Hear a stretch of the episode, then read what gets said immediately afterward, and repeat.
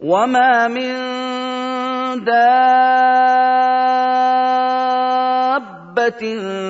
في الأرض إلا على الله رزقها ويعلم مستقرها ومستودعها كل في كتاب مبين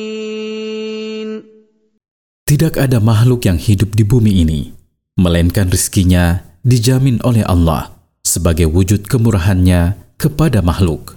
Dia mengetahui tempat tinggalnya di bumi dan mengetahui tempat di mana ia akan mati.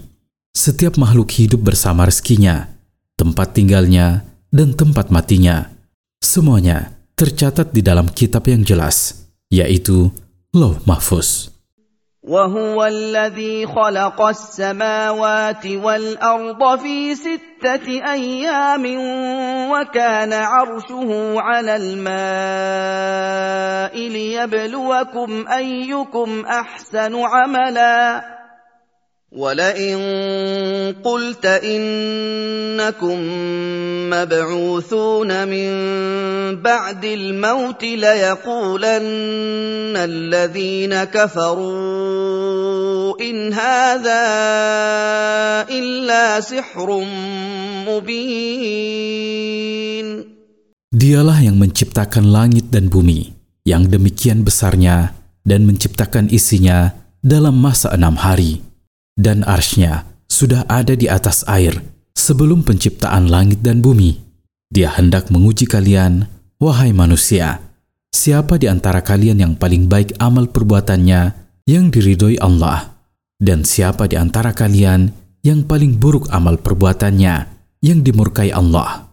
Kemudian Allah akan memberikan balasan yang setimpal kepada setiap orang. Sungguh, jika engkau, wahai Rasul berkata, Sesungguhnya kalian, wahai manusia, akan dibangkitkan kembali sesudah kematian untuk dihisap. Niscaya, orang-orang yang ingkar kepada Allah dan mengingkari hari kebangkitan itu akan berkata, Al-Quran yang kamu baca ini tidak lain adalah sihir yang nyata. Jadi Al-Quran adalah kebatilan yang nyata.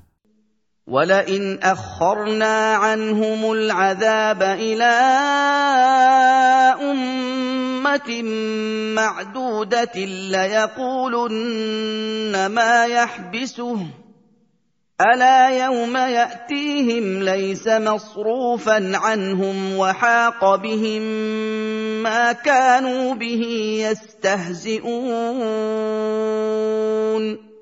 Sungguh, jika kami menunda dari orang-orang musyrik azab yang berhak mereka terima di dunia sampai beberapa hari yang ditentukan, niscaya mereka dengan nada mengejek segera berkata, "Apa yang menahan azab itu dari kami?" Ingatlah, sesungguhnya azab yang berhak mereka terima itu memiliki masa jatuh tempo di sisi Allah, dan ketika azab itu datang kepada mereka, tidak ada seorang pun yang dapat memalingkannya dari mereka. Azab itu pasti akan menimpa mereka, dan mereka pasti akan dikepung oleh azab yang semula mereka minta disegerakan dengan nada mengolok-olok dan mengejek. ولئن اذقنا الانسان منا رحمه ثم نزعناها منه انه ليئوس كفور Sungguh, jika kami memberikan suatu nikmat kepada manusia, seperti nikmat kesehatan dan kekayaan, kemudian kami cabut nikmat itu darinya, ia pasti akan merasa sangat putus asa terhadap rahmat Allah dan sangat ingkar terhadap nikmatnya. Ia melupakan nikmat itu apabila sudah dicabut darinya. ولئن اذقناه نعماء بعد ضراء مسته ليقولن ذهب السيئات عني انه لفرح فخور Dan sungguh, jika kami merasakan kemudahan mendapatkan rezeki dan kesehatan, setelah ia merasakan kemiskinan dan penyakit, pasti ia akan berkata, "Kesulitanku sudah pergi dan penyakitku sudah hilang." ia tidak bersyukur kepada Allah atas nikmat itu. Ia gemar membanggakan diri dan suka menyombongkan nikmat yang diterimanya dari Allah di depan orang lain. إلا الذين صبروا وعملوا الصالحات أولئك لهم مغفرة وأجر كبير